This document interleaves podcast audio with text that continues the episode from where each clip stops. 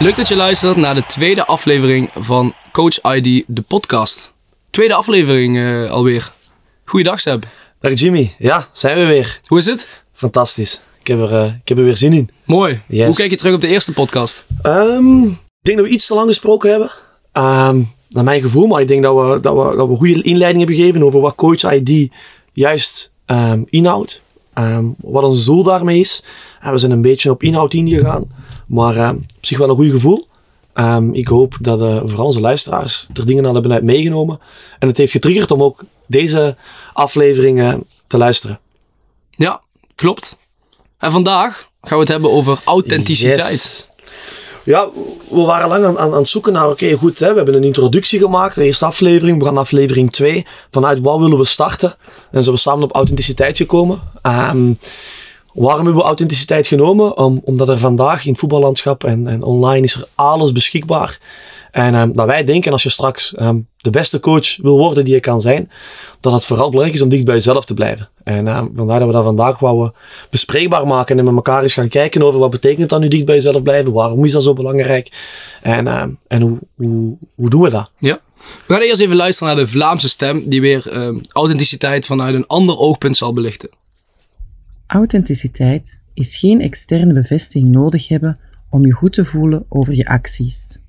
Het is weten wie je bent en dapper genoeg zijn het te leven.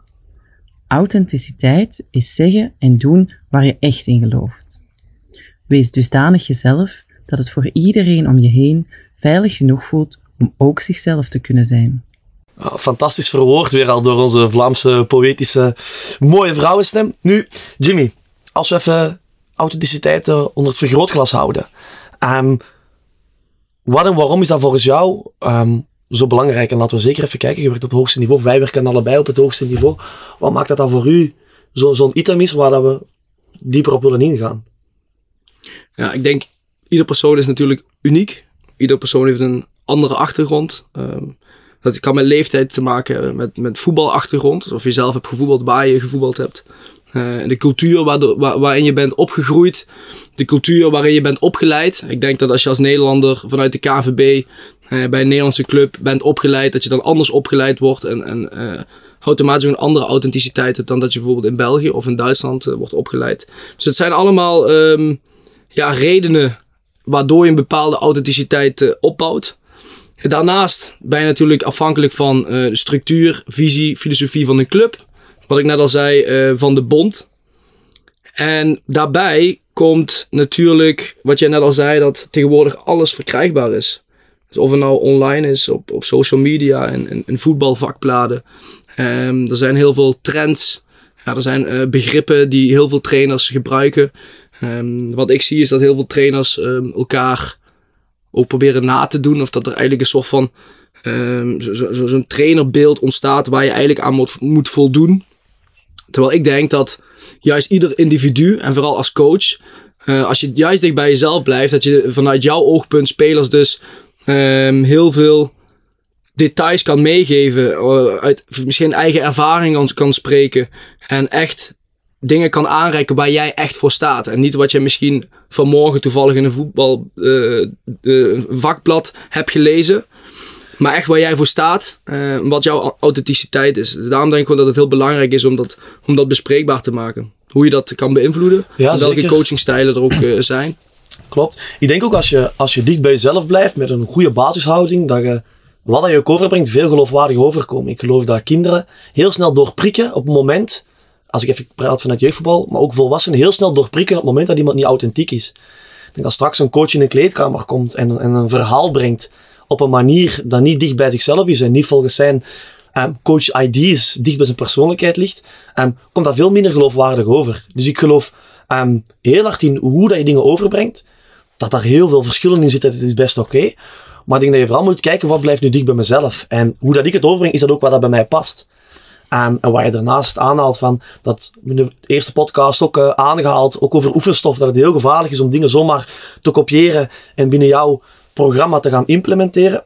Um, maar wat ik, wel, wat ik wel heel hard geloof is, niet elke trainer moet een eigen visie maken. Het is oké om een kader te hebben, daarin online op zoek te gaan of offline op zoek te gaan en dingen mee te pakken die, die bij jou passen.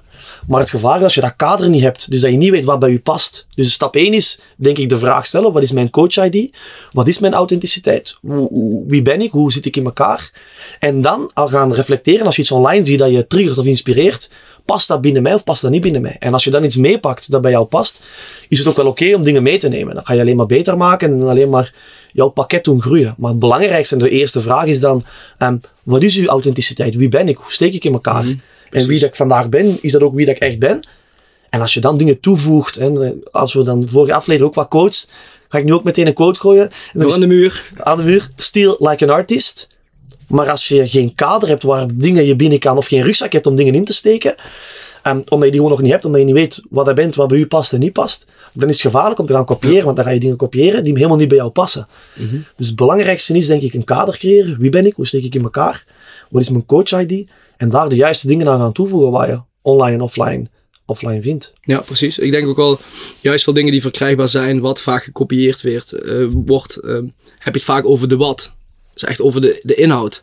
En ik denk dat uh, jouw authenticiteit, jouw, jouw trainerstijl of jouw type van coaching is meer de hoe. Ja. hoe jij dingen gaat overbrengen. En eh, welke, welke lichaamstaal je daarin aanneemt. Welke woorden je gebruikt. Um, hoe je confrontaties ofwel aangaat of vermijdt. Um, hoe, je, hoe je je vragen stelt. Dat is echt meer de hoe. Hoe je de wat trainbaar of coachbaar wil maken. Exact, exact. En, en daarom dat ik denk dat de hoe aan zich... Um, is uiteraard belangrijk, want niet alle, alle worden zomaar geaccepteerd door, door kinderen en volwassenen. Het moet, moet op elkaar matchen, het moet rekening houden zijn met de leeftijdskenmerken. Maar wat het vooral belangrijkste is, wat dat je brengt, hoe ga je dat straks overbrengen? En, en past dat bij wie dat jij bent en hoe dat je in elkaar steekt?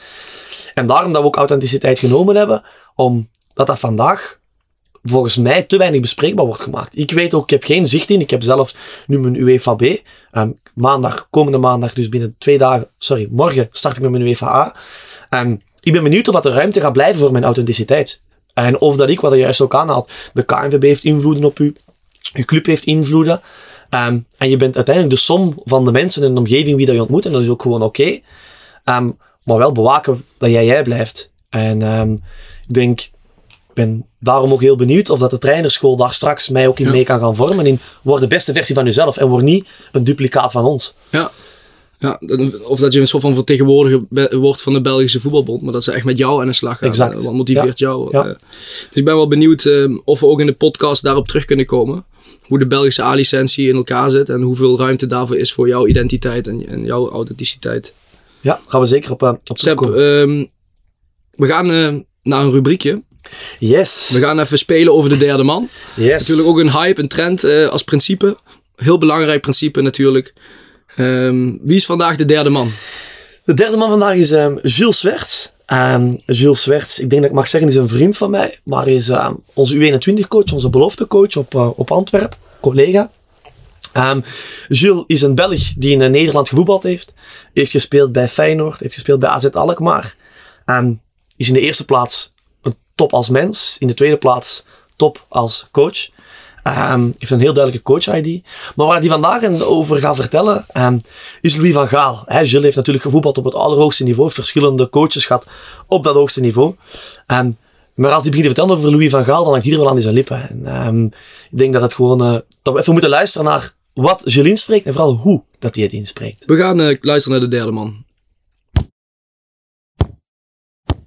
Uh, Zep, Um, ja, samenwerken met, met Louis van Gaal. Um, wat mij vooral is bijgebleven, is um, in de cursus UEFA werd ook vaak gehamerd over, over duidelijkheid. Ik denk dat dat bij, bij Van Gaal toch wel zijn kracht was. Dat iedereen uh, op zijn positie exact wist wat zijn taken uh, waren. En dat als collectief ook tot uiting kon komen.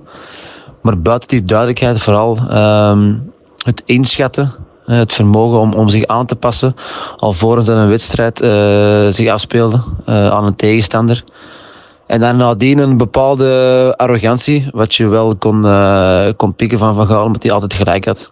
een tegenstander die 4-3 speelt, gaf hij voor de een week van tevoren aan van ja, ze gaan tegen ons 4-4-2 spelen. wij gaan ons zo aanpassen, als jullie die taak uitvoeren, dan komt het goed.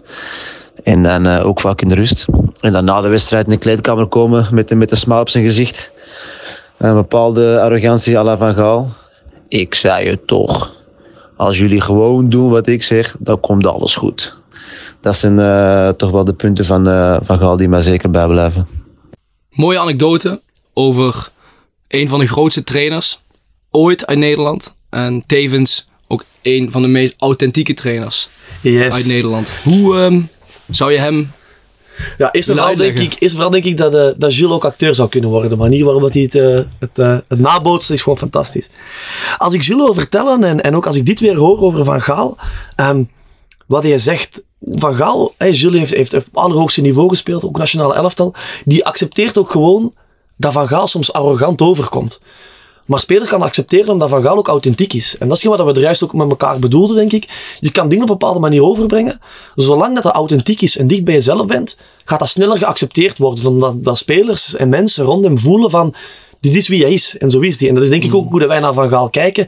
We lachen er soms wel eens mee hoe dat die dingen uitdrukt, hoe dat die dingen zegt. En velen noemen hem arrogant. Maar het is wat je zegt, hij is een van de grootste trainers. En hij heeft zoveel invloed gehad, denk ik, op het Nederlands voetbal. Um, op internationaal voetbal. Um, door wie hij is. En hij is nooit niet veranderd doorheen de jaren. Hij heeft zich um, weinig laten beïnvloeden, denk ik, door de mensen rond hem. En hij is gewoon echt wie dat hij is. Hij benadert situaties, hij benadert um, het voetbal zoals hij denkt en zoals hij in elkaar steekt. Hij heeft een heel duidelijke coach-ID. Ik denk, als we een voorbeeld kunnen nemen van een heel duidelijke coach-ID, hoe dat we naar Van Gaal kijken, is dat wel een fantastisch voorbeeld. Um, maar wat ik vooral, Gilles heeft, heeft zoveel respect ervoor, maar zoveel anekdotes ook. En dat Van Gaal constant op het randje zat tussen heel scherp, maar dan net erover, waardoor het weer grappig werd en dan geaccepteerd werd. Um, dat het heel duidelijk is hoe dat Van Gaal met mensen omging. En um, dan denk ik dat wij vandaag misschien soms allemaal wel wat te braaf zijn. Maar jij dan zegt, er is een ideaal kader, een keer zo moet een coach zijn. Dat Van Gaal ook wel naast dat kader stond. Ja. En dat dat vandaag heel, heel gevaarlijk lijkt om niet in de mainstream coach te zitten. Mm. Terwijl als wie jij bent, wie je bent. En uiteraard zijn er bepaalde waarden en normen die in omgangsvormen altijd gerespecteerd moeten worden. Maar um, als, je, als je van Gaal hoort, dan is dat niet... Dat is dat denk ik niet in communicatiestijlen, waar we het vorige podcast ook over hadden. Hoe dat de ideale communicatiestijl is. Maar wel gewoon heel authentiek en ja. dicht bij Van Gaal.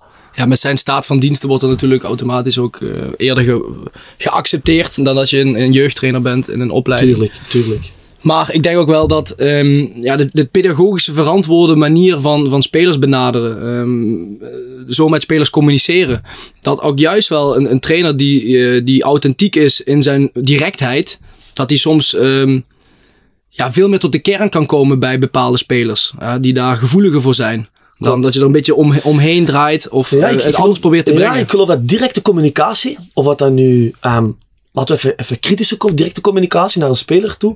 Wat hij ook aangeeft, dat dat gewoon geaccepteerd wordt. Als je ook direct bent in, in je positieve benadering. Hè? Dat is dan je authentiek. Je bent direct, je, bent, je hebt geen, neemt geen blad voor de mond. Je zegt hoe waar het op staat. Dan wordt je geaccepteerd wel als het in beide richtingen is. Maar als dat is wie, wie dat je bent en je, en je bent altijd zo en daarnaast creëren gewoon een goede omgeving, dan is dat volgens mij ook gewoon, gewoon ja. doenbaar. Um, dan wordt geaccepteerd. Dat, sorry, wat dat dan de beste manier is, dat laat ik even niet midden. Ja. Maar het geaccepteerd worden, want dat is wie dat je bent. Ja, zeker. En dat is ook een beetje um, het moeilijke van als je straks in een, met een head of coaching werkt of met een cultuur waar trainers worden aangestuurd, om niet in de persoonlijkheid te komen van trainers. Je wilt trainers vormen, je wilt trainers begeleiden, je wilt trainers helpen.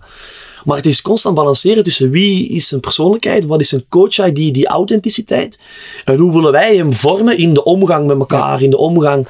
En dat is een heel dunne lijn waar je constant op balanceert. Dus hoe ja. gaan, we, gaan we, we willen niet bij hem binnenkomen, want dan gaat je energie verliezen. Denk op het moment dat je aan het coachen bent, dat niet past bij wie dat je bent, dan, dan hou je niet vol. Dan ga je op een bepaald moment ga, ga je vallen, en, en, en, ja. omdat dat niet wie je bent. Ja, ik denk maar de visie van de club focus ik ook heel vaak op echt de wat. Klopt. Wat gaan we doen? Welke principes? Welke tactieken? Welke oefenstof? Nou, dat is allemaal de wat. Maar ik denk dat er te weinig focus is op de hoe. En uh, tot nu toe spreken wij wel die thema's aan in de podcast. Maar ik denk ook wel dat dat een onderbelicht thema is in de voetballerij. Hoe je, hoe je de hoe, hoe gaat overbrengen. Hoe dat misschien ook wel uh, ja, hoe je dat veranderen kan of beïnvloeden kan. Maar hoe je juist jouw intensiteit, uh, authenticiteit ja. um, in een positieve manier kan beteren door echt dicht bij jezelf te blijven. Als, Jimmy, als jij voor de spiegel zou staan en je zou, je zou wat kernwoorden bij je authenticiteit moeten, moeten mm -hmm. vormen, zou ik er zo'n paar keer kunnen zeggen? Um, zeker. Allereerst ben ik um, oplossingsgericht. Yes. Dus ook, eh, ook in-game coaching probeer ik wel altijd naar de oplossingen te gaan. Ehm, ontwikkelingsgericht, Mhm. ook zeker. Dus ehm, ook in mijn, in mijn vraagstelling ehm, en in mijn benadering probeer ik altijd ontwikkelingsgericht te zijn. Maar ik ben ook wel heel direct. Ja. Ja, en dat kan soms eh, ook wat hard overkomen. Ja. Ehm, Maar je, je spreekt dus ook over, over verschillende manieren, of verschillende omgangsvormen. ja, verschillende typen van en coaching. hangt dat ook dan, dan af van met wie dat je omgaat. In de eerste podcast vertelde dat, dat je dan verschillende leeftijden actief bent. Mhm. Is de manier, hè, degene zegt, ik heb een bepaalde eigenschap, ik ben vrij direct, maar ik denk oplossingsgericht en, en, en coach oplossingsgericht. Ik stel kritische vragen. Dat zijn dingen die je aanhaalt. Is dat ook leeftijdseigen afhankelijk dan? Bij jongere leeftijden ga ik me meer, alleen ga ik mijn authenticiteit, wat dat wel bij jou past, maar ben je dan even direct Mhm. en even hard ten opzichte als je straks weer U19 onder je neus hebt? Uh, ik denk wel dat uh, inderdaad de, de hoe best wel dicht bij elkaar ligt. Je zou misschien kunnen zeggen van, um, van niet, omdat de leeftijden uit elkaar liggen. Maar ik denk juist wel dat ik dan heel erg dicht bij mezelf blijf. Okay. En dat ik bij, uh, maakt niet uit welke leeftijdsgroep, dat, dat de hoe wel, wel hetzelfde is. Uh, natuurlijk ga je in debat wel meer verlangen. Ja. Ja. Alleen uh, in de hoe um, ja, blijf ik toch wel echt dicht bij mezelf. Oké, okay, mooi. Hoe uh, zie jij jezelf? Wat met jou uniek? Wat met jou bijzonder? Ik denk, ik, ik denk dat, ik, dat ik meer de, de Socra Socratische benadering heb. Ik denk dat ik heel veel vragen stel. Soms vraag ik me af of ik niet te veel vragen stel. Mm -hmm. um, um, omdat ik niet voel dat iedereen altijd even klaar is om, om vanuit vragen te gaan reflecteren en dat omzetten in handelingen. Mhm. Mm -hmm. um, maar ik geloof dat vragen stellen zorgt voor eigenaarschap. Zorgt ervoor dat ik spelers meepak. en ook omdat ik denk dat ik zelf zo graag benaderd word. Vanuit, ik, ik, ik weet Zitten spelers daar altijd op te wachten, denk je? Overvraagd worden? Klopt, dat denk ik, dat, dat, dat heb ik juist proberen te vertellen, dat denk ik niet. Ik denk dat sommige spelers het fijn vinden. Je ziet ook, als je straks een wedstrijd voorbereidt en je stelt vragen, het zijn meestal dezelfde spelers die antwoorden. Ja. Omdat die daar hongerig naar zijn van betrek mij en stel me een vraag en ik ben er klaar voor. Waar andere spelers op het moment dat je een vraag stelt, misschien dan het niet fijn vinden en net zoiets hebben van, vertel me maar een keer wat ik moet doen en ik zal straks uitvoeren. Dat zijn, vraag mij niet, vraag exact. mij niet. En dat het mijn valkuil is om altijd vanuit die vragen te gaan coachen. Omdat, omdat ik denk dat ik meer een heel een, een, een open benadering heb. En dat ik soms ook wel gewoon wat directer mag zijn. En soms moet zijn. Wat jij misschien uw kwaliteit is. Anderzijds ook een valkuil kan zijn. Door direct te zijn. Waar dat sommige kinderen zich misschien onveilig gaan voelen. Of net, net, net wat, wat je terug in je schil op kan kruipen. Heb ik net het omgekeerde. Zal ik dat soms wat dominanter mogen overkomen naar een groep. Of naar spelers denk ik. Om daar wat duidelijkheid en meer structuur in te brengen. En niet alles te gaan weggeven. En dat is ook weer een dunne balans. Omdat elk kind houdt van een andere benadering. En wat jij zegt, ik denk dat wel belangrijk is. Ik kan nooit mijn, mijn, mijn benadering, ga, nooit veranderen. Wat jij ook zegt, of ik nu met straks U16 mee op het veld sta, of ik met U8 op het veld sta.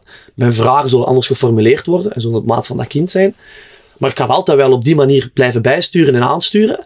Um, maar ik denk wel dat ik iets kan toevoegen. Waardoor ik wel bij mezelf blijf. Ja. Ik kan niet iets weglaten, maar ik kan wel iets uit, uit een pakket nemen. Waardoor ik wel blijf bij mijn manier van handelen, bij mijn manier van omgaan. Maar er kunnen wel dingen bij komen om meer rendement te halen straks. Maar weglaten is moeilijker, denk ik, wat jij ook zegt. Als, als, als je iemand bent die, die, die vrij direct is, zowel positief als, als negatief. Als het niet goed is, is het niet goed. En als het goed is, is het goed. Ik denk dat je dat altijd moet behouden. Maar ik denk dat je altijd dingen kunt gaan toevoegen aan je, aan je, aan je pakket in omgang. Ja, ik denk ook wel dat afwisseling key is. Dat heb ik in de vorige Yes. podcast ook gezegd. Ja. de, ene, uh, de ene speler die zit op vragen te wachten. De andere verstopt zich bijna omdat hij daar niet op zit te wachten.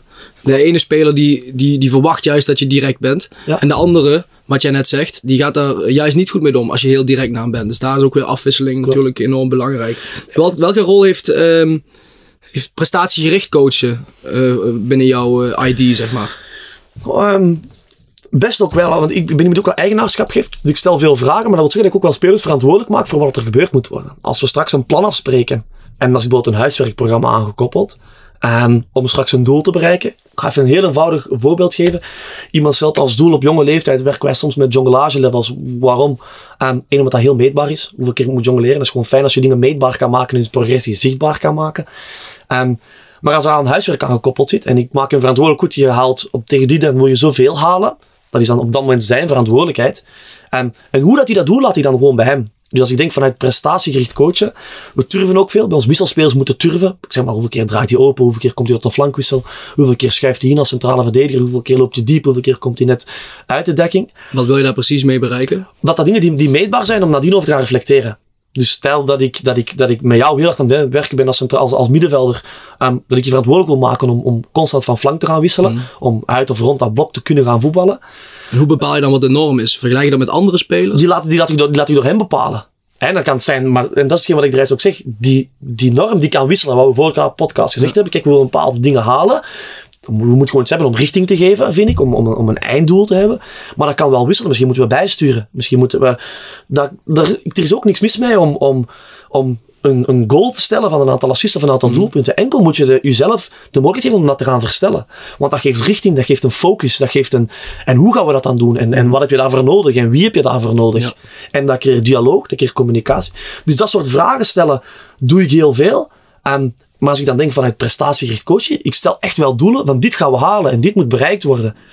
En dan geef ik ze ook de verantwoordelijkheid om die dingen te gaan bereiken. Ook met mensen toe, als we straks over, over speelwijze praten met coaches. Dit willen we bereiken, maar hoe dat we dat straks gaan bereiken. We hebben een einddoel, we weten hoe we willen straks gaan voetballen. Welke principes dat we willen terugzien. Maar welke vormen de coaches daarvoor kiezen, ligt bij de coaches. We maken ze verantwoordelijk voor het product. En hoe dat ze dat zelf willen gaan neerzetten, dat laat ik wat meer bij hun. Ja. Hoe eh, die bepaalde norm en de, die bepaalde meetbaarheid van, van, van voetbalacties. Daarin kun je natuurlijk ehm, ja, je authenticiteit tot uiting laten komen. Als je bijvoorbeeld zegt tegen een centrale verdediger van... ehm, wat is de consequentie als jij meer in gaat dribbelen? Wat kunnen we dan als team meer bereiken? Dat kun je hem vragen. Exact. Maar er zijn ook types die, die zitten erop te wachten van... Vriend, je moet wel meer indribbelen. Ja. Want je moet veel meer naar voren op spelen. En je speelt eigenlijk veel, op, eh, veel te veel op safe. Ja. Of je herkent de situatie niet wanneer je indribbelt. Ehm, Ik, ik, ik denk dat, dat als we dan de vorige podcast gestart hadden met die relatie gaan en met, met elkaar omgaan, elkaar leren kennen, de speler achter dat kind leren kennen, de juiste stijl kiezen, ondanks dat je wel dicht bij jezelf blijft, maar wat jij zegt, soms heel directief zeggen, kijk, nu, gaan we, nu moet je gewoon indribbelen, een overtal in het centrum keren, dus dribbel in en kom erbij. Dat, heeft iemand heel, dat vindt iemand heel fijn en heeft iemand heel graag. En gaat als oké, het is duidelijk voor mij. Ik moet die binnen dit kader voetballen. En dit wordt nu verwacht van mij. Dit zijn mijn taken. Waar iemand anders net zegt. Wat, wat, wat ook. Goed, kijk een keer of je kan indribbelen. En dan gaan vragen stellen. Waarom zouden we dat doen? Wat, wat creëren? Welke voorwaarden hebben we dan nodig? En hoe gaan we dat doen? En wat is daar het voordeel van? Als je dan bij je coach-ID bent. En als ik dan kijk naar mezelf. Je bent iemand die hard in relatie gaat. En van daaruit die vragen gaan stellen. En mijn stijl gaan aanpassen op wie heeft wat nu juist nodig. Daar ligt, de- daar ligt de meeste winst in.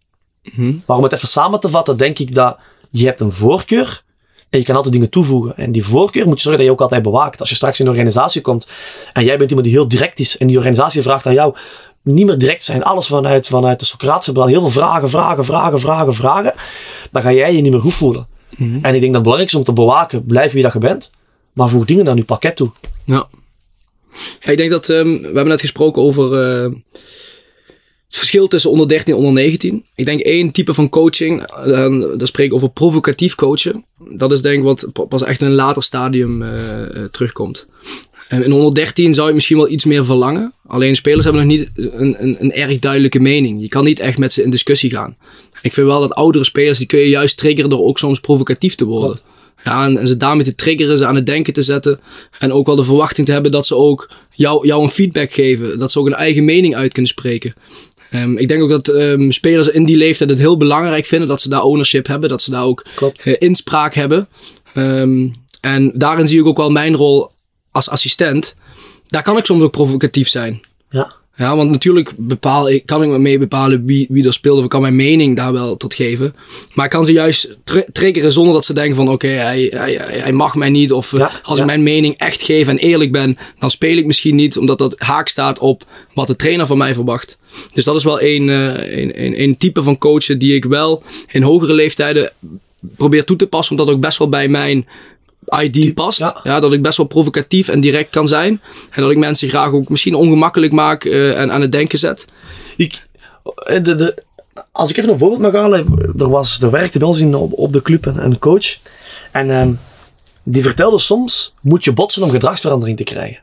Soms moet je een keer botsen. Soms moet je een keer frontaal tegen me ingaan. Nou, Wel, dat moet op, op een pedagogische manier gebeuren. Ehm, maar hij kon dat, hij kon dat, dat paste bij hem. Dat was zijn authenticiteit. Je voelde gewoon dat hij, dat hij, dat hij, dat, dat hij, dat, dat hij bij hem was. Dat hij, dat hij zo in elkaar stak. En ehm, hij kreeg een voorwaarde, een veilig klimaat. Maar binnen dat klimaat ging hij soms gewoon frontaal, frontaal met zijn spelers. En, en als we dan met elkaar in dialoog gingen, waarom doe je dat? En dan, zegt, dan, dan was zijn antwoord, als ik gedrag wil veranderen, moet ik soms gewoon even, moet ik gewoon soms even tegen ingaan Mhm. om, om spelers ehm, situaties duidelijk te maken. Ehm, niet zozeer om autoritair over te komen, maar gewoon om, om, om, om, scherpte te bewaken, Ja. om, om gedrag te wijzigen.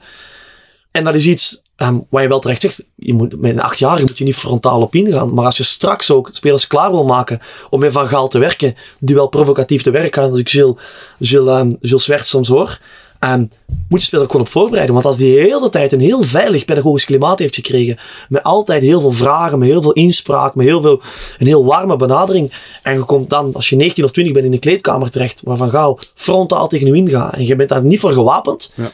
dan ehm, kan die speler ook gewoon vallen. Een belangrijk thema wat ik nog wel wilde aanspreken is eh, een soort van acceptatie binnen, binnen het trainerschilde, als je het zo mag noemen. Ehm, van, van, van jouw unieke waarheid. Als je ziet bijvoorbeeld in Nederland, ik had het laatst ook met een, met een andere collega over. De Nederlandse trainer die zit toch graag met eh, analytisch, met zijn boekje, met de beentjes over elkaar, eh, de, de wedstrijd te kijken. En in, in Duitsland heb je misschien wat meer trainers die een petje op hebben, die echt aan de lijn staan en die, die het motiveren zijn. En als je het Nederlands in Duitsland doet, dan ben je misschien een, een rare vogel. En als je Nederland staat te roepen en te schreeuwen, dan is wat is dat voor een pannenkoek.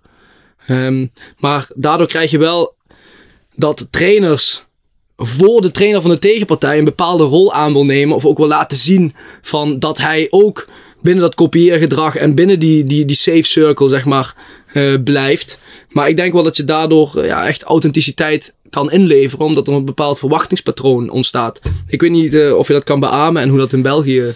Ja, ik, ik begrijp exact wat je bedoelt. En ook wat we er juist zeiden. Je, bent- je wordt gevormd door de som van de mensen die je ontmoet, waar je in werkt, door wie je wordt opgeleid, Maar ook het verwachtingspatroon. daarbinnen.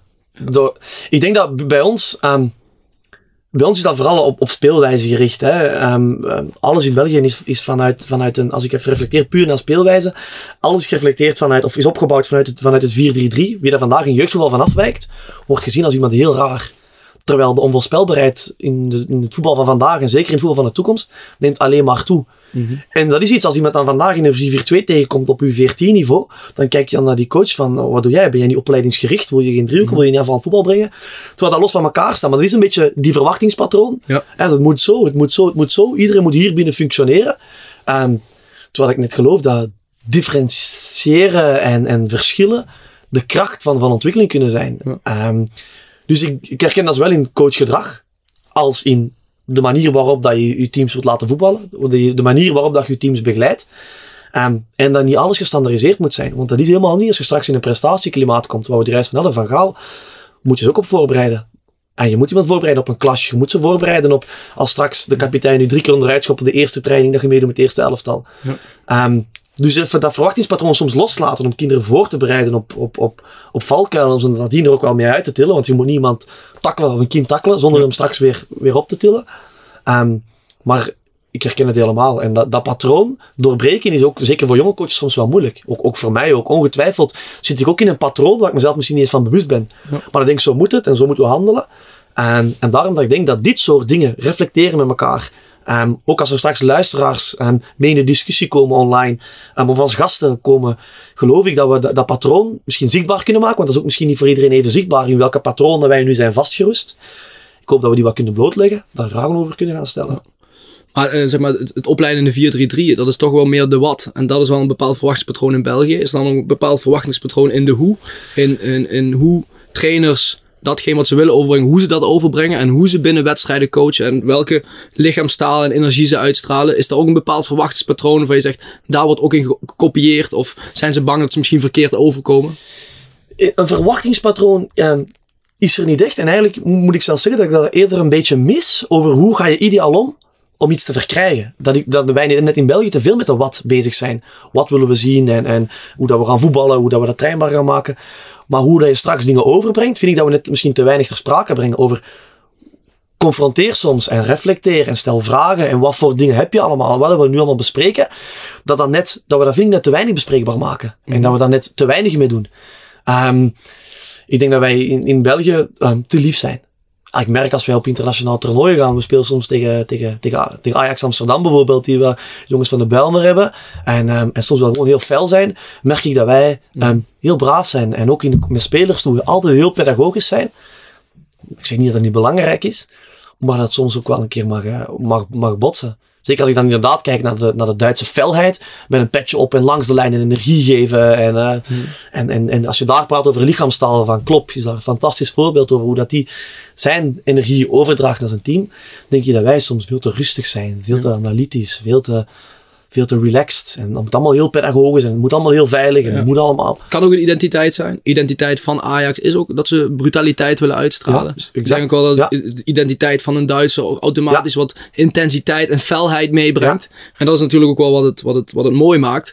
Maar ik denk dat vooral, eh, om dat vooral even af te sluiten, dat de acceptatie daarin gewoon belangrijk is. En eh, niet, niet vingerwijzen van wat, wat, wat doet die raar of doe eens normaal. Klopt. Als dat zijn normaal is, dan is dat normaal. En accepteer dat, dan focus je vooral op jezelf. Ja. en laat je niet te veel beïnvloeden door het verwachtingspatroon van, Mooi. van je land of bond. Mooi, mooi. We gaan eh, naar de dilemma's. Yes. Zal ik starten, Jimmy? Ja, we hebben weer een stapeltje met eh, enkele dilemma's. Sommige zijn ook eh, wel gerelateerd aan, aan het thema. En ja, ik ben benieuwd. welke. Yes. Ik ga, ik ga er eentje pakken. Dilemma: luisteren of vertellen. Ehm, natuurlijk, als ik er juist verwees naar, naar mijn heel vragende benadering naar spelers, dan ehm, denk ik dat ik kan luisteren, dat het, dat een kwaliteit is. Dat, eh, en vooral als ik dan even helemaal terugreflecteer naar het begin van onze allereerste aflevering, waar ik zei dat ik heel hard hou van individuele ontwikkeling. Als ik dan die twee dingen naast elkaar dat wil zeggen individuele ontwikkeling, dat ik ook heel veel individuele gesprekken heb, dan geloof ik dat het eerst begrijpen is voor begrepen te worden als coach. Ik denk dat gedrag begrijpen, handelingen begrijpen, waarom iemand bepaalde keuzes maakt, om nadien pas begrepen te worden, dus te gaan vertellen. Dus eerst kies ik luisteren. Ehm, maar ik geloof ook wel dat, dat als wij als coaches bepaalde know-how bezitten, dat die duidelijk en concreet verwoord kan worden in, in het vertellen. Maar het eerste is het begrijpen, want dan begrijp ik terug naar de quote. Ehm, they don't care how much you know until they know how much you care. Zorg dat je begrijpt, zorg dat je, dat je spelers begrijpt, hoe ze in elkaar zitten, welke keuzes dat ze maken, om nadien jouw idee daar te vertellen en, en hoe dat we dat kunnen verbeteren en hoe dat we kunnen groeien. Ehm, dus luisteren, en is trouwens volgens mij ook iets onderbelicht. Hoe luister ik goed? Hoe zit ik nu? Hoe dat wij tegenover elkaar zitten? Met een open houding, in een veilige omgeving. Ehm, open vragen stellen. Ehm, dat zijn dingen die, die, die onder luisteren wel gewoon cruciaal zijn. Ja, het is natuurlijk al gewaagd om te vertellen dat we, dat we liever luisteren in een podcast waar we vooral vertellen. Maar ik hoop, ik hoop eigenlijk net hier heel veel interactie op te krijgen. Ik hoop dat we social media een beetje, een beetje dynamiek krijgen, vragen krijgen. ehm, om net een, een dialoog in gang te zetten. En daar Precies. dingen net mee te pakken. En wij eigenlijk gewoon het kanaal bieden. ehm, waarop we kunnen luisteren, vertellen en bespreekbaar maken. En, Precies. eh, Dat, eh, dat is een mooi startpunt. Yes. Ja. Eens kijken. Geduldig of ongeduldig? Ehm, ja, daar, daar kan ik wel heel eerlijk in zijn. Ik ben best wel een ongeduldig persoon. Oké. Ehm, wachten heb ik wel een, een, een hekel aan, zeg maar. Daar word ik best wel onrustig van. Oké. Ehm, het kan misschien soms een valkuil zijn, eh, ook als trainer, dat ik, eh, ja, dat, dat ik te snel wil of dat ik snel ongeduldig word. Of dat nou tijdens een wedstrijd is, als je niet per se grip hebt. Dat, je, dat een grip kan ook tijdens de wedstrijd zich ontwikkelen. Daarin kan ik misschien wat, wat, wat ongeduldig eh, zijn. Ehm, en dat is ja, wel, wel, eh, wel een puntje waar ik aan kan werken. En voel je dat dat Alleen- dan soms botst met, met, met, met de ontwikkeling van spelers? Soms? Ik Bedoel je het dan ook van, ik had verwacht dat je dit al sneller ging begrepen, dat je verwacht dat je dit al sneller onder de knie had, verwacht dat je dit al sneller je eigen had gemaakt, en dat je dan voelt dat je daar soms wat gefrustreerd raakt in, in de snelheid van... Nee, gefrustreerd raak ik niet bij de individuele ontwikkeling van spelers. Daar kan ik best wel geduldig zijn. En daar snap ik ook wel dat, dat het allemaal tijd nodig heeft. Maar ehm, ik denk dat ik vooral over ehm, zaken in het normale leven... dat ik een ongeduldig persoon ben. Oké, ja. En dat ik eh, in, tijdens in-game coaching, tijdens de wedstrijd...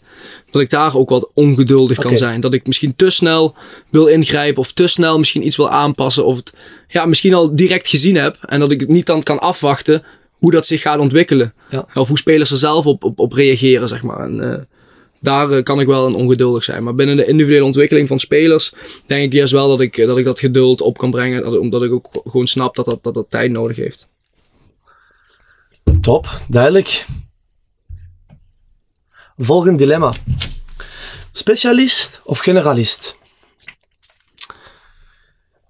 Ehm, als ik eerst moet kiezen, kies ik een eh, kies ik specialist.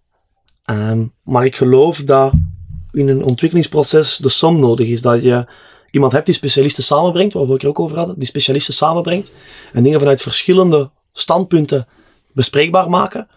Ehm, maar ik geloof dat specialisten echt het verschil kunnen maken. Ehm, je hebt ook zo de discussie ex-profs of, of, of gewone voetbaltrainers. Hè, als ik die discussie heel even mag aanhalen.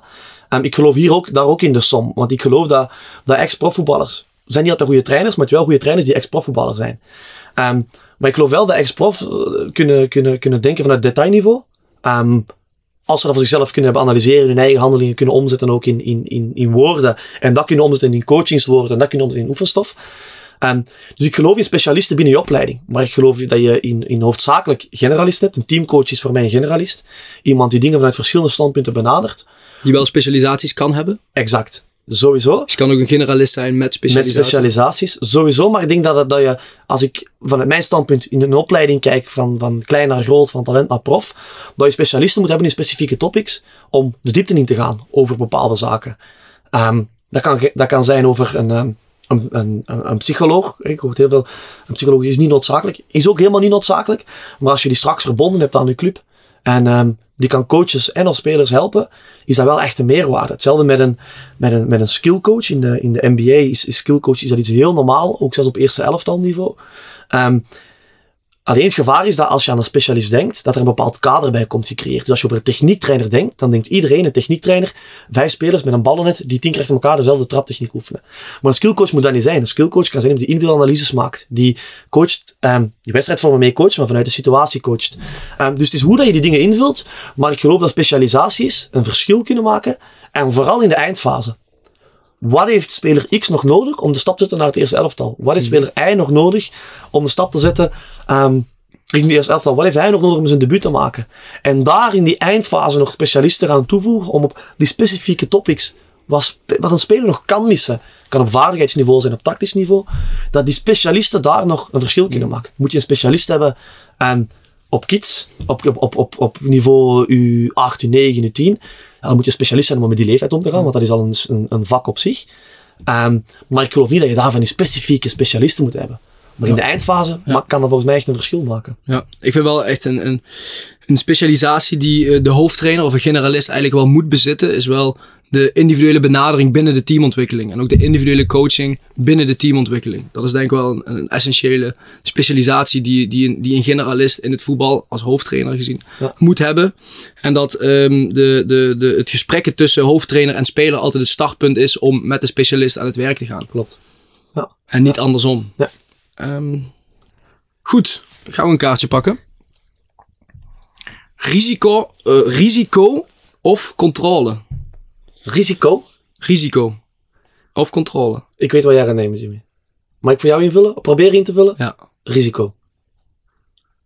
Uh, fout. Oké. Okay. Had ik niet um, verwacht.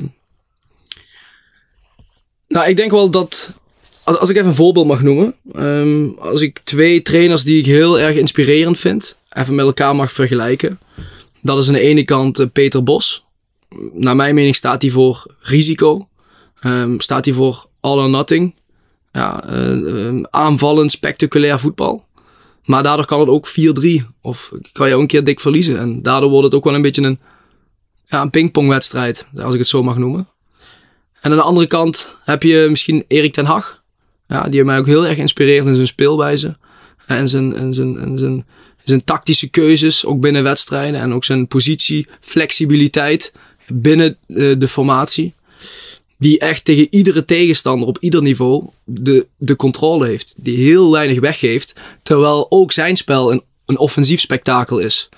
En ik moet wel zeggen dat ik. Uh, ja, dat, ik, dat, dat, dat Den Haag me daarin nog meer inspireert. Die heeft altijd goed de restverdediging voor elkaar. Die geeft weinig weg.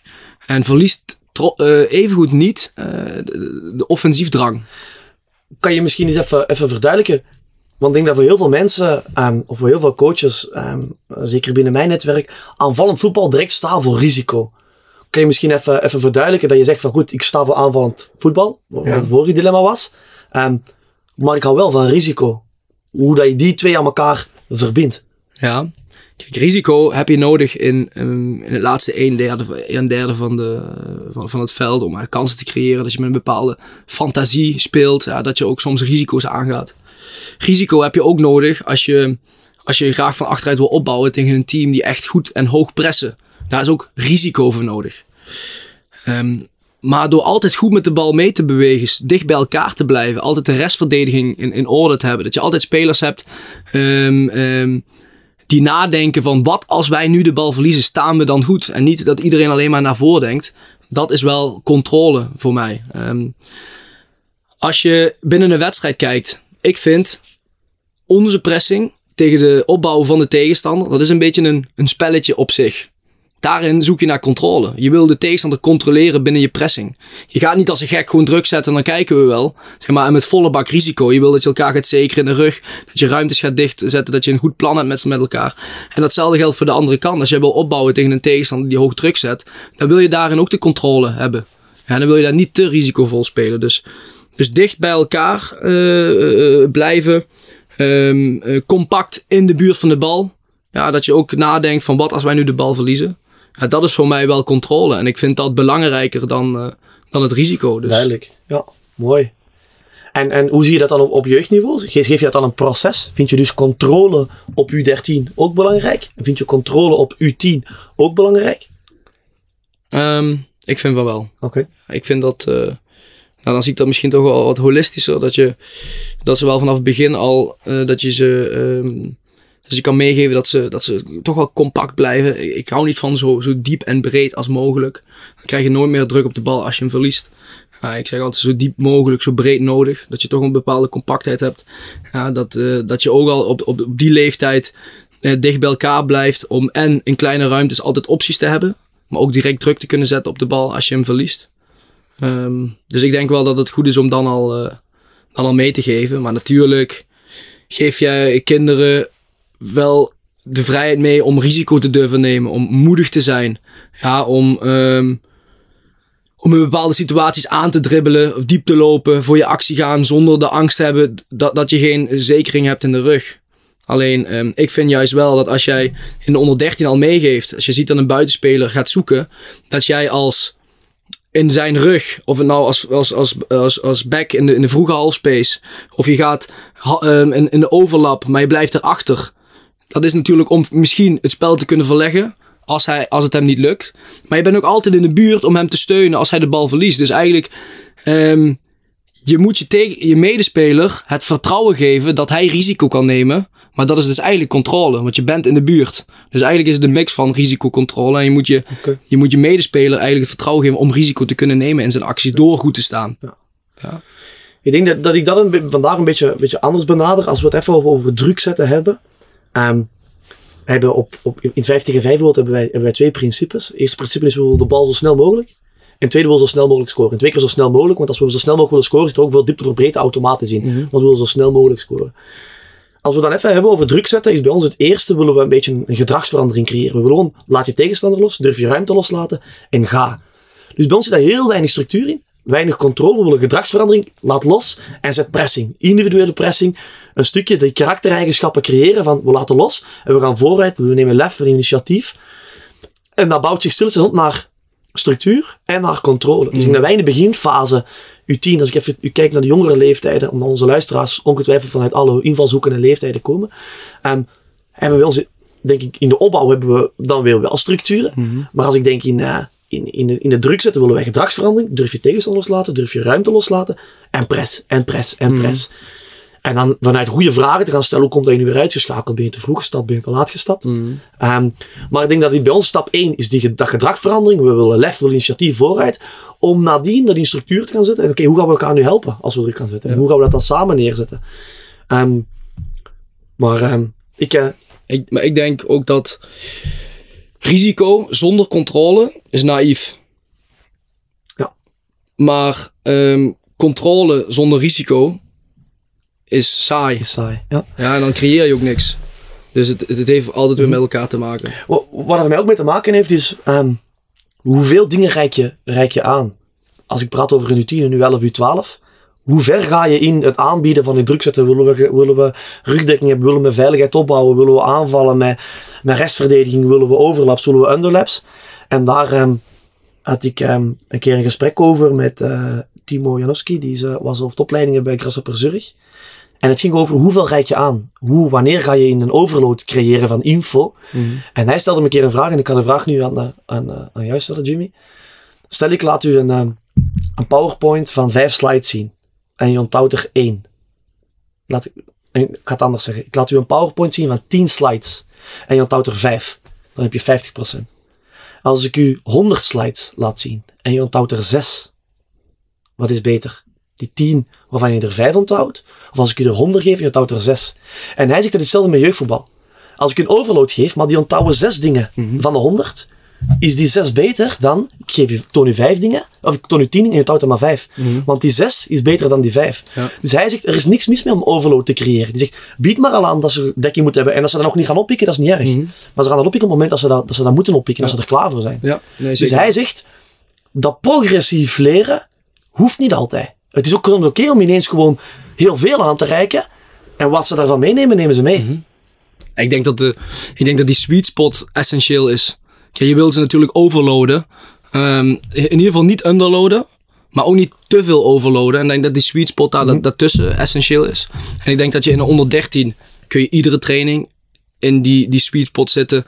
En misschien wel eens net daaroverheen. Ik denk dat je bij oudere leeftijden ehm, daar in het begin van de week kan je ze echt overloaden. Ehm, op het trainingsveld. Dat zij naarmate de week voordat als voorbereid de wedstrijd ook wel structuur nodig hebben. Dan kan je ze misschien wel overloaden met informatie. Ja. Maar minder, met, ehm, minder op het veld. Ja.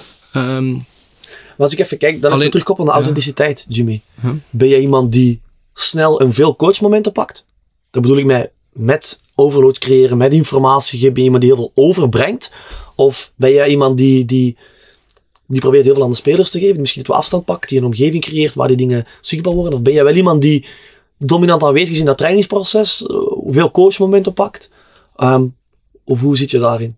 Ja, dat is wel verschillend of... ehm, kijk, ik vind of je hebt een... ehm, je zit qua, qua oefenstof in de overload. Dat het een attractieve spelvorm is. Met veel regels, richtingen. Dat er veel gebeurt.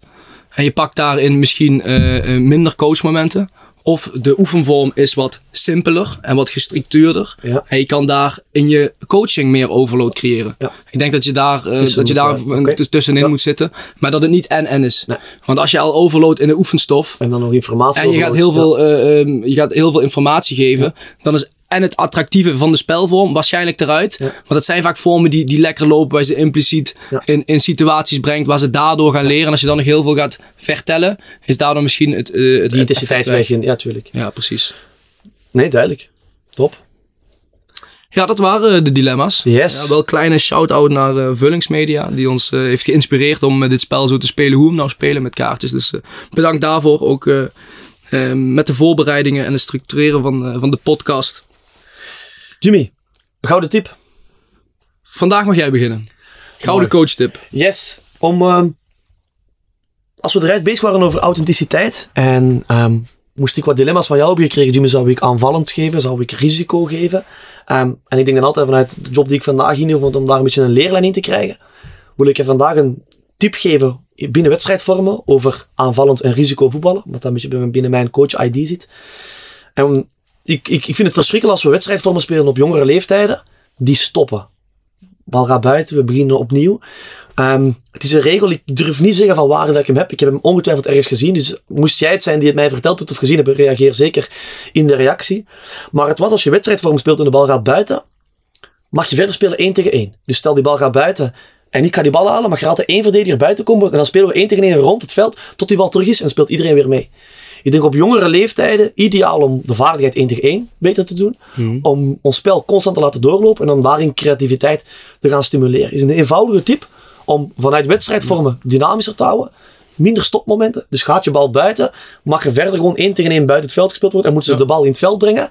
En, en mag je altijd één man, dru- één man druk gaan zetten op degene die eerst bij de bal is. Ja. Ik, ken, ik ken de regel ook als, eh, ja, wie hem heeft, die heeft hem. Wat ik ook wel eens doe, is dat het niet... Je mag ook met je handen, dus dan krijg je soms gewoon een, een judo-partijtje naast het veld. Ja, Daardoor ja, breng je wel iets meer de straat terug. Dus Klopt. degene die hem als eerste heeft, die, die, die, die, start op. Ja, top. Ja. Nee, leuk. Ehm, Dus eh vond ik een leuke tip voor, ehm, voor vooral voor coaches, denk ik 5 tegen 5, 8 tegen 8, die, in, eh, die in de onder, midden, begin, middenbouw Ja. zitten, kunnen die zeker eh, ja. Misschien heb ik nog wel eentje, dat is nu niet het coaching die ik vandaag wilde geven, maar iets wat daar ook een beetje bij hoort. Dat is ook met uitballen. Eh, soms als je, een, als, je, als, je een, als je een veld uitzet, en je hebt bijvoorbeeld vijf pionnen als zijlijn, dat je op iedere pion een bal neerlegt. Dus op het moment dat diegene die de bal heeft uitgespeeld, die moet eerst die bal halen. Je mag met een andere bal verder spelen. Dus dan komt één pion vrij. Diegene die je moet halen, moet eerst de bal weer op de pion leggen voordat Ja. hij erin mag. En creëer je Dat je, dat je een hogere Ja. intensiteit krijgt. Hij moet meteen sprinten om die bal te halen. Eh, misschien ga je ook iets minder risico nemen. Eh, misschien, wat je zegt, je krijgt overtal, ondertal. Hoe snel ga je dat herkennen? Hoe ga je dat oplossen? Eh, dus dat is wel Ja, eh, leuke variatie als je, een- als je een, echt een vrije partij laat spelen. ehm, om een, ja, een impliciete manier in een overtal en een ondertal leuk. te komen. Ja, mijn gouden, gouden coachtip van vandaag is coachen over de derde man. Oké. Ja, we hebben het derde man principe, hebben we toevallig als rubriekje in de podcast. Is natuurlijk ook wel een trend die binnen de voetballerij veel wordt gebruikt. Ehm coachen over de derde man kan je als trainer toepassen, maar kan je ook eh, als verwachtingspatroon aan de spelers eh, meegeven. Ik zal beginnen met hoe ik dat zelf toepas als trainer. Als ehm, bijvoorbeeld de, de, de, de rechterspits in het pressen niet op tijd komt, of niet goed loopt qua richting, of qua moment, ja, of qua snelheid, Ehm, dan kan ik hem dat zeggen. Of ik kan de tien die daarachter speelt, kan ik hem best wel direct coachen. Of vragen waarom hij hem niet geholpen heeft. Eh, dus dat ik de, de tien eigenlijk vertel hoe de spits had moeten pressen. Enerzijds krijgt de spits dat gegarandeerd mee. Die hoort dat, maar hij wordt niet direct aangesproken. En de andere kant zet je de tien aan het denken dat hij meer gaat communiceren met hem. En dat hij dus verantwoordelijk is. Of als je de rechtsbuiten de midden niet dicht houdt, dan heb je misschien als, als, als, als rechter 6 heb jij een probleem, want dan kom jij in ondertal. Dus het is niet alleen zijn probleem, dan is het ons ge- gemeenschappelijk probleem. Maar dan coach ik de nummer 6 waarom hij hem niet heeft gecoacht. Je maakt eigenlijk op die manier spelers verantwoordelijk voor elkaar. Ja, en je creëert, precies. je creëert een onderlinge dynamiek waar, waar ze elkaar veel meer gaan aansturen. Precies. Nou, nou, top tip. Als ik even mag aansluiten, een, een oefeningetje om op jongere leeftijden, omdat ik daar nu vooral aan het denken ben. Ehm, een opdrachtje, ze moeten kaartjes trekken voor de wedstrijd. Wie ze die wedstrijd heel hard moeten aancoachen. Hè, het gaat al 5 tegen 5 of 8 tegen 8. Ze staan allemaal diep bij elkaar. En na de wedstrijd moeten ze raden wie jou moest coachen. Als je dat kan raden, wil zeggen je hebt de job goed gedaan, want je hebt me constant bijgestuurd. Als je dat niet kan raden, kan je even zeggen, hey, hoe komt dat je het niet geweten hebt? Ben je niet genoeg aangestuurd? Ben je niet genoeg ondersteund? Ehm, leuke oefening op jongste leeftijden om elkaar te stimuleren, om elkaar bij te sturen, aan te Ja. sturen en, De leuke. en te coachen. Ik zal even uitleggen coach over de derde man eh, binnen de spelers. Kijk, als je over de derde man wil spelen en je hebt, ehm, wat ik in de eerste podcast gedaan, je staat als middenvelder op pole position, dus echt schuin in de rug. Dat je net de bal scherp in je voet kan krijgen, maar dat je ook een, een paaslijn opent om na te starten. Kijk, als, als, als ik jou nou aanspeel en er staat een derde man klaar. Misschien kan ik niet goed inschatten of jij kan draaien. Maar dat wordt vaak wel van een trainer verwacht dat degene die de bal speelt een commando geeft of, of coacht. Terwijl de derde man eigenlijk veel beter kan inschatten of jij kan draaien of dat hij op tijd komt voor de kaats. En als jij hem niet op mij laat kaatsen, is het voor mij natuurlijk eh, is, is het niet zo waardevol dat hij zegt kaats. Dus dan ga je over de derde man coachen binnen de spelers, binnen de voetbalhandelingen. Dus eigenlijk die twee differentiaties maak ik daar. Dat ik als trainer over de derde man coach. Of dat ik spelers binnen, binnen, binnen de speelwijze over de derde man laat coachen. Ja.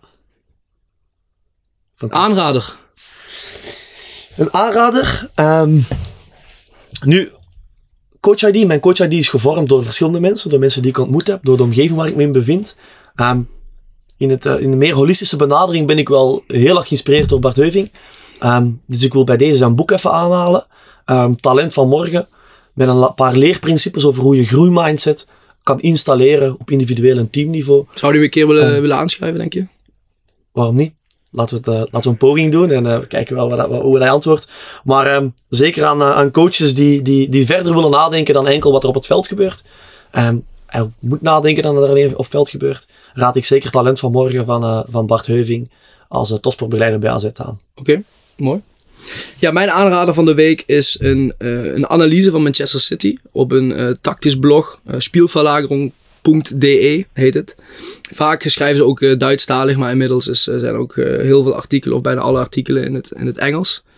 Het gaat eigenlijk over Manchester City van dit moment. En hoe Guardiola eigenlijk met een, met een nieuwe opdeling van de ruimtes ehm, de, de, de, de defensieve onzekerheid en de restverdediging heeft opgelost. En het, eh, eh, eh, ja, dat ze moeilijk te bespelen zijn. ook moeilijk te pressen zijn. Dat ze heel variabel en flexibel verschillende ruimtes opdelen. Met ook wel wat nieuwe trends, met, met, met, met backs die aan de binnenkant spelen. Asymmetrische verdelingen van de ruimte. En ehm, dat is misschien wel weer een, een, een nieuwe rage of nieuwe trend die eraan zit te komen. Ehm, vanuit, de, vanuit de 3-2 in de restverdediging staan. Dus met drie verdedigers opbouwen. Daar ook weer asymmetrisch staan eh, vanuit, vanuit een viermans eh, verdediging. Dat je zeg maar asymmetrisch doorkantelt. Ehm, alleen de manier van schrijven en de details eh, die hun aanhalen. En de gedetailleerde manier van schrijven. Ehm, ik heb twee keer nodig gehad om hem te lezen. Om het echt te begrijpen in de kern. met een arceerstift. zoveel interessante dingen uit kunnen halen. Dus dat is wel mijn aanrader van de week. Fantastisch. Mooi. Yes. We gaan er een einde aan maken. Ja, was dan weer aflevering 2. Ja, aflevering 3, hoogstwaarschijnlijk met een gast. Ja, dat zal weer we. een nieuwe dimensie geven aan de podcast. Eh, bedankt voor het luisteren. Hopelijk luisteren jullie de volgende keer weer. En Yes. eh, laat ook vooral weten wat jullie ervan vinden. Of jullie di- dilemma's willen toevoegen. Of dilemma's willen beantwoorden. Of als jullie thema's of vragen hebben die we in de podcast zouden moeten behandelen. Of aan zouden moeten spreken. ehm, ja, kunnen jullie graag melden. Ja, laat ze zeker gaan in de comments. Hè. Als je dingen wil toevoegen, of als je dingen nog eens wil bespreken of een keer wil aanhalen. Ehm, laten we zeker discussie opstarten. Uiteindelijk mee het doel eh, van deze podcast. Bedankt voor het luisteren. Bedankt. Yes, Luisteraars Jimmy. bedankt. Tot de volgende. Doei doei. Doei doei.